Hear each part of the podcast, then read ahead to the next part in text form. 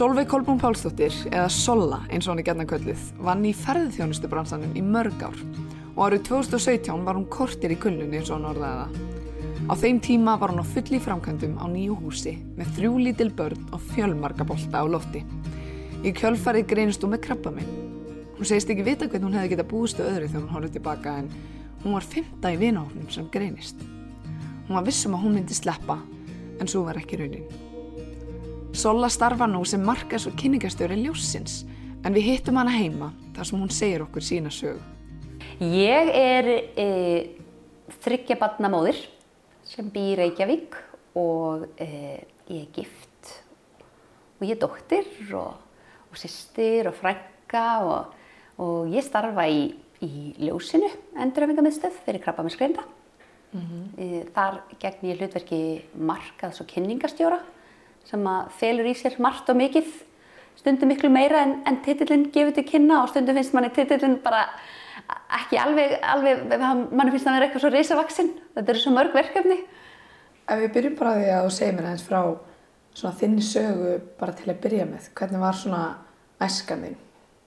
Ég er, ég á tvo eldri bræður þannig að, og þeir eru aðeins eldri en ég og þannig að æska mín hún var fulla fjöri ég er alveg upp upp á Vassenda við ellega vatn og þá var það bara falleg sveit hluta kópói en maður tók skólabíl í skólan og, og þannig að það var bara algjör, algjör perla að fá að alast upp þar bara við vatnið og, og já, þannig að það var bara mjög mikill slagi og sumurinn þau voru bara út að leika frá mótnið til kvölds og það var ekki maður fór ekki heim fyrir en, þú veist, fyrir að maður bara blístrað á mann, þá kom maður, heyrði maður bara, já, maður fara inn. Þannig að maður er bara heppið með það. Það var fengið, það var fengið bara svona ljúfa æsku.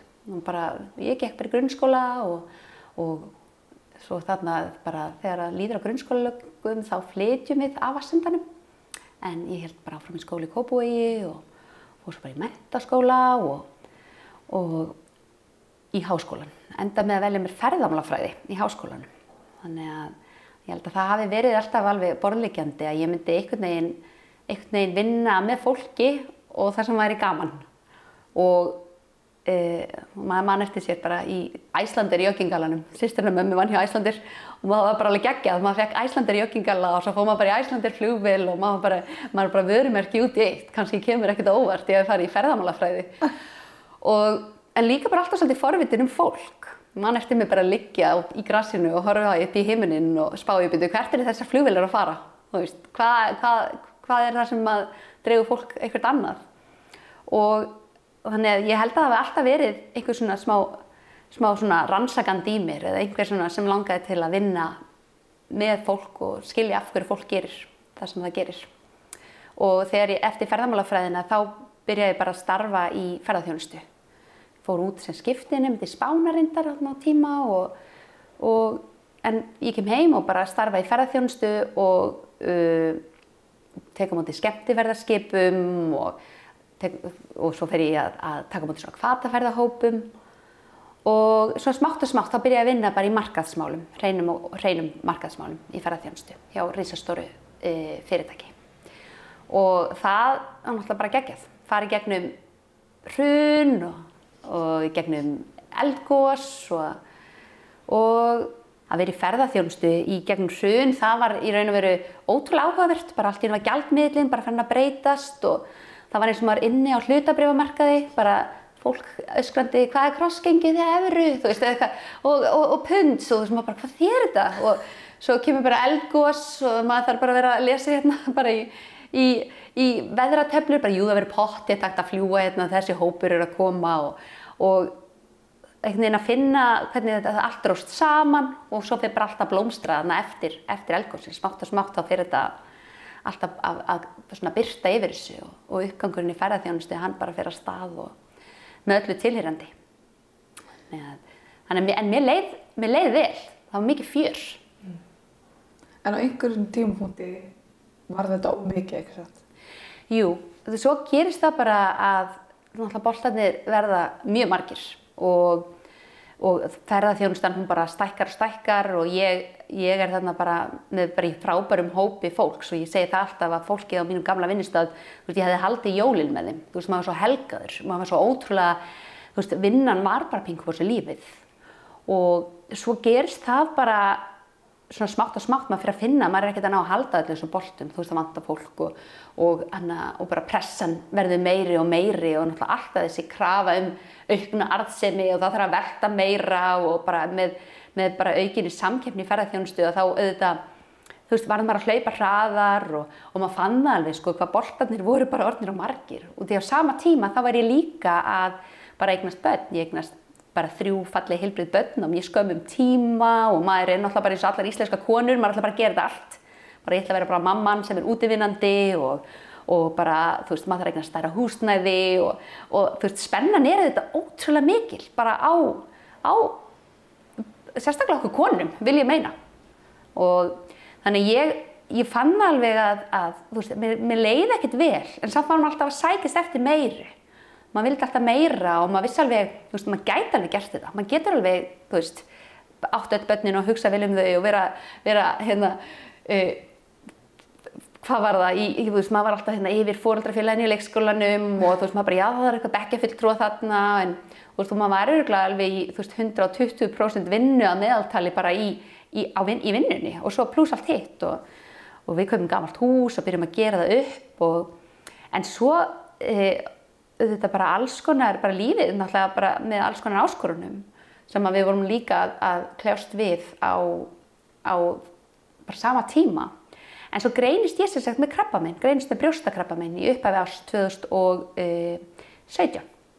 Og það var svolítið eins og þrjum ár heiðskýr lofti fyrir mig. Og því að ég sem sagt er svo fymta í mínu vinahópi sem greinist með krabba minn. Og ég held alltaf að ég myndi bara sleppa. Ég held bara tölfræðin myndi vinna með mér að að þetta væri nú bara, það, nú væri þetta bara komið gott og nú væri bara bjart framöndan. Og þegar ég greinist þá var ég bara alls ekki búist við því og meðan ég var bara, við vorum búin að vera að gera upp hús og vorum bara, ég var ný, bara, við vorum nýflutt inn og, og þá einhvern veginn er plö, plönin bara breytast. Þú veist, þú, þú ert ekki lengur með einhvern veginn ákvörunavald yfir hvað er að fara að gerast í þínu lífi. Bara, bara þegar bara kipt undan í fótunum og ég var með svona frekar aggressífa típu sem að það þurfti bara að slengja mér hérna strax í livjameðferð og, og það því það að þú pingum á sig, þú veist, það, þetta eru mismöndi leiðir hjá öllum. Eftir bara hvað krabba minn þú ferð og bara hver, hvaða einstaklingur þú ert þegar þú greinist. Og hjá mér var það bara þannig að ég þurfti að hætta að vinna og náttúrulega bara líka við áfællið eitt og sér bara, þú veist, maður fyrir að hugsa bara, þú veist, er, þú veist, hvernig lítur framtíðin út núna? Þegar hún er bara óviss þá var ég nú ekki alveg tilbúin í að fara að eigða öllum mínum auka krafti í því að vera í vinnunni. Ég vildi frekar bara vera heim og taka mátti bönninum. Og, en það gengur vel. Ég fer í, í gegnum livjameðferðir og í gegnum uppskurði og slepp í geyslameðferð sem er náttúrulega bara algjör lottavinningur, þú veist þegar þú ert í þessu ferli. Og ég sæki bara endurhæfingu samhliða þessu öllu og finn það alveg hvað þetta hefur uh, hvað þetta breytir raun og verið minni sín á því hvernig ég hafi verið að gera hlutin áður. Þegar þú fær tækifæri til að stíga út úr vinnuumhverfinu þínu, bara fær tíma til þess að bara kannski horfa tilbaka, þú veist, maður var alltaf bara að hugsa bara ok, hvernig maður er frí næst, þú veist, hvaða verkefni eru næst í vinnunni, þú veist, það var engin tími til að taka smá stöðumatt á bara allt og þarna fekk maður tækifæri til þess veist, í gegnum veikindin að vera í, í endurhæfingu samhliða þar sem að þú ert með fagaðila sem er að vinna, vinna þig í gegnum ferlið, bara í huganum. Þú veist, þetta líkamlega endurhæfingi skiptir miklu máli fyrir mig en, en þessi, þessi þú veist, um, sálfélagslega endurhæfing, þú veist, að vera með yðvíðþjálfa sem er bara, heyrðu, ok, hvernig alltaf er, er þetta vænlegt? Þú veist, þar sem einhver, einhver er bara með háskólamentun í því hvernig er gott að lifa sínu lífi, skilur við. Yðvíþjálfar eru bara stjætt sem að ég held að allir vinnustöður á landinu ætti að íhuga að ráða til sín. Að, þú veist, bara þessi hugmynd um það að, e, þú veist, að við þurfum, við, við vinnum bara ákveðmörg verkefni. Við erum bara með ákveðlega mikið tíma. Og þetta er svo rétt hugsun til þess að byrja að hugsa bara, ok, hvernig, hvernig ætlar skipilegja lífið þitt? Þú veist, getur þú gert allt saman þetta? Og þegar þú situr með fagaðila og byrjar að horfa tilbaka og bara, ok, bara, hú, veitu hvernig gerði ég þetta? Og ég að ég myndi fá okkur aðra niðurstöðu. Þannig að ég fer í gegnum mína endurhæfingu og sitt ótrúlega áhugaverð námskeið og vinn með mínum fagaðilum í að, í svona, að halda áfram. Og svo sný ég aftur til vinnu og, og einmitt eftir að hafa setið ótrúlega gott námskeið sem heitir aftur til vinnu eða náms upp í ljósi þar sem ég fór í endurhæfingu. Og þá mæti ég aftur til vinnu og ég var með alveg 100% sínaði hvernig ég ætlaði að snúa tilbaka. Ég var sko bara alveg bara búin að, ég var bara búin að finna út úr því hvernig verður best að snúa tilbaka þegar þú er búin að fá krabba minn. Og hvernig var það? Það var það að ég ætlaði sko bara að byrja smátt og ég ætlaði bara algjörlega að segja nei við ver sömumverkefnum, ég ætlaði að vera með mjög góð tímastjórnun, passa að hreyfa mig og gefa mér, þú veist, yðurhjóli mitt var sko bara að vera í lægi þegar ég kem tilbaka. Og ég mæti fyrsta degi aftur og ég kem bara heim og ég bara veit ekkert hvernig ég á að gera þetta. Og ég samtar hugurinn á mér í þokkalegu ástandi. Það er margir sem fara gegnum lifja meðferðir og eru svona frekar kannski svona rugglæri rýmunu, erfitt að kannski muna, hafa litla orku. Ég var samt, þú veist, sem betur fyrr þokkaleg. En ég fann það bara að það skiptir svo miklu máli hvort að vinnustæðurinn sé tilbúin í að taka mótið mér. Það er ekki nóg að ég sé bara búin að, að undirbúa mig. Vinnustæðin það líka verið stakk búin til þess og þau ert í umhverfi, þau ert í ferðarþjónstu þar sem að hraðin er mikill og svona og að þá, þau voru kannski ekkert alveg með þá hreinu hvað ég þurfti. Og ég reyndi að vinna þetta, þú veist, með bara, með mínum yfirmunum þarna. En þegar upp að staði, þá vissi ég bara, ég sá það bara að hvernig mér hugnaðist að lifa mínu lífi það var ekki, það var ekki þetta. Ég var ekki að fara að ná að halda minni heilsu og vinna áfram þarna.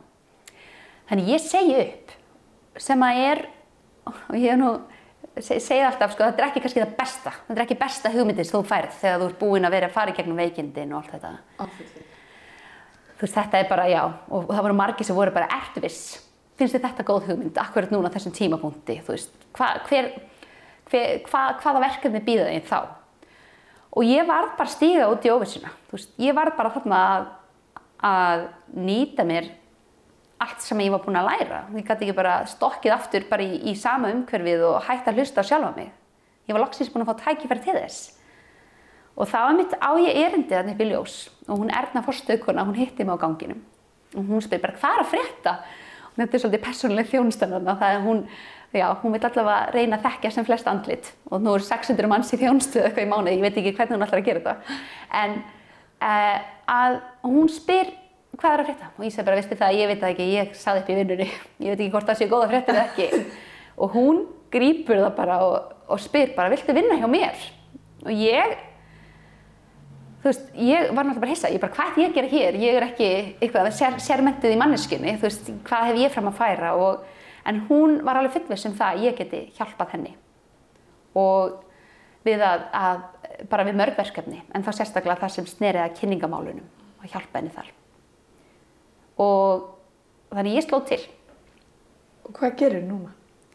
Nú starfa ég sem, sem markaðs- og kynningastjóri í ljósinu, endurhafingamiðstöð, sem að er svo mjög fjarið því sem ég var að gera. Þó ég hafi verið í markaðsmálum í ferðarþjónustu að þá, þá er þetta bara allt öðruvísi. Hvernig þá? Sko í ferðarþjónustu þá var það þannig, það var alltaf, alltaf þessi krafa um arðsemi sem er svo eðlileg þegar þú vinnur í markaðsstarfi. Þú ert alltaf að vinna með einhverjar eitthvað markmið, eitthvað svona KPIs sem við erum að stefna, bara þá að selja eða þá að búa til umferð eða það á að, já, bara, ímis markmið. Og við erum sannarlega með markmið í dag, en í, í staðin fyrir að, að þessi áhersla á pening, að þá, þá er það bara þessi áhersla á manneskjuna. Að þú veist, þú, í, að þú gengur á marka með eitthvað virði sem er, sem er heilsa einstaklingar sem er að gangi í gegnum krabbameðsmeðferð og í mínum huga þá var það bara, bara borlegjandi að mér langaði að taka þetta verkefni að mér og að það bara mikið hugssjónaverkefni að fá að, fá að starfa við þetta með, með öllu þessu flottu fagaðilum sem er í ljósinu. Og núna að, að vita það að það sem þú gerir að það snýst ekki um pening. Það snýst um að láta einstaklingar sem er á mjög erfiðum stað í lífinu uh, líða betur frá upplýsingar, vita af þjónustunni sem er í bóði og, og líka hluta mínu, mínu, mínu uh, starfi er um þetta að eiga samtal við þessi einstaklingar, segja sögur þeirra sem að er algjör forréttindi. Og ég segi oft bara að mæta í kaffivíluna byrja upp í ljósi bara að þú ætlar að fá þig morgumbollan og þú átt bara að geggja samtöl og Því að fólki upp í ljósi, þú veist, þú ert í umhverfi þar sem allir pingum á sig bara búin að fara úr skelinni. Mm. Það mæta allir algjörlega óháð því hverðu þess, bara kall eða kona, hvort þú sett eitthvað þekktur einstaklingur úr, úr þjóðfélaginu eða bara hefur látið lítið fyrir þér fara allæfi, að það mætast allir svo jafnir mm. og það er svo ótrúlega magnaf. Og þegar þú stendur við kaffeirilina og þú ert bara að eiga bara, þú veist, ótrúlega skemmtilegt samtal um eitthvað raunverulegt við eitthvað sem eru bara svona geggjum stað í lífinu til þess að hafa frábært sjónarhort náða. Að þá, þú veist, þá verður allt saman eitthvað svo, það verður allt saman eitthvað svo heiðarlegt og það er svo geggjað. Þannig að ég held að það sé kannski sem er mest bara svona kannski hvað ólíkast. Það er þessi, þessi, já, þessi berskjöldun sem er í gangi. Það er ekkert þykistu. Það er bara allt eitthvað svo, já, bara bara akkurat eins og það á að vera, akkurat á þessum tímapunkti. Og myndur þú segja að það hafi einhvern veginn breytt þínu hugafari á nátt? Já, þetta hefur sannarlega breytt miklu bara í hvernig ég horfi á lífið. Ég held kannski að það mikilvægast að fyrir mig er að þetta er áminning um hugafari sem ég var búin að tilenga mér þegar ég var búin að fara í gegnum mína meðferðir og mína endurhæfingu. Og það verður kannski ákveðið akkeri í eitthvað hugafar bara þakklætis og bara núvitundar. Að muna það í raun og veru að, að þetta, þetta er það, það er ekkert næst, þetta er það. Og að njóta. Og það er alveg full vinna, sérstaklega í dag, þú veist það sem áriðið er svo ótrúlega mikið að ætla að, að, að synda þarna móti strömmnum og ekki að, að já, láta glebjast af af hugmyndir um það að, fara að græða pening. Eða, eða já, allavega að, velja rétt, að velja eitthvað sem manni hugunast að, fara ekki bara einhver aðra leið heldur en sína eigin. Og ég held að veri rosalega auðvelt fyrir mann að hafa farið tilbaka. Og að gera það sem maður þekkti og, en þetta að stíga út fyrir það eindaramann að, að segja upp og bara fara út í óvissununa og taka svo mótið þessi tækifæri að segja já, ok, ég ætla að pröfa eitthvað nýtt sjáum hvernig það gengur og hvort ég geti gefið eitthvað tilbaka og skipta einhverju máli, einhverju raunverulegu máli fyrir fólk sem þarf að því að halda.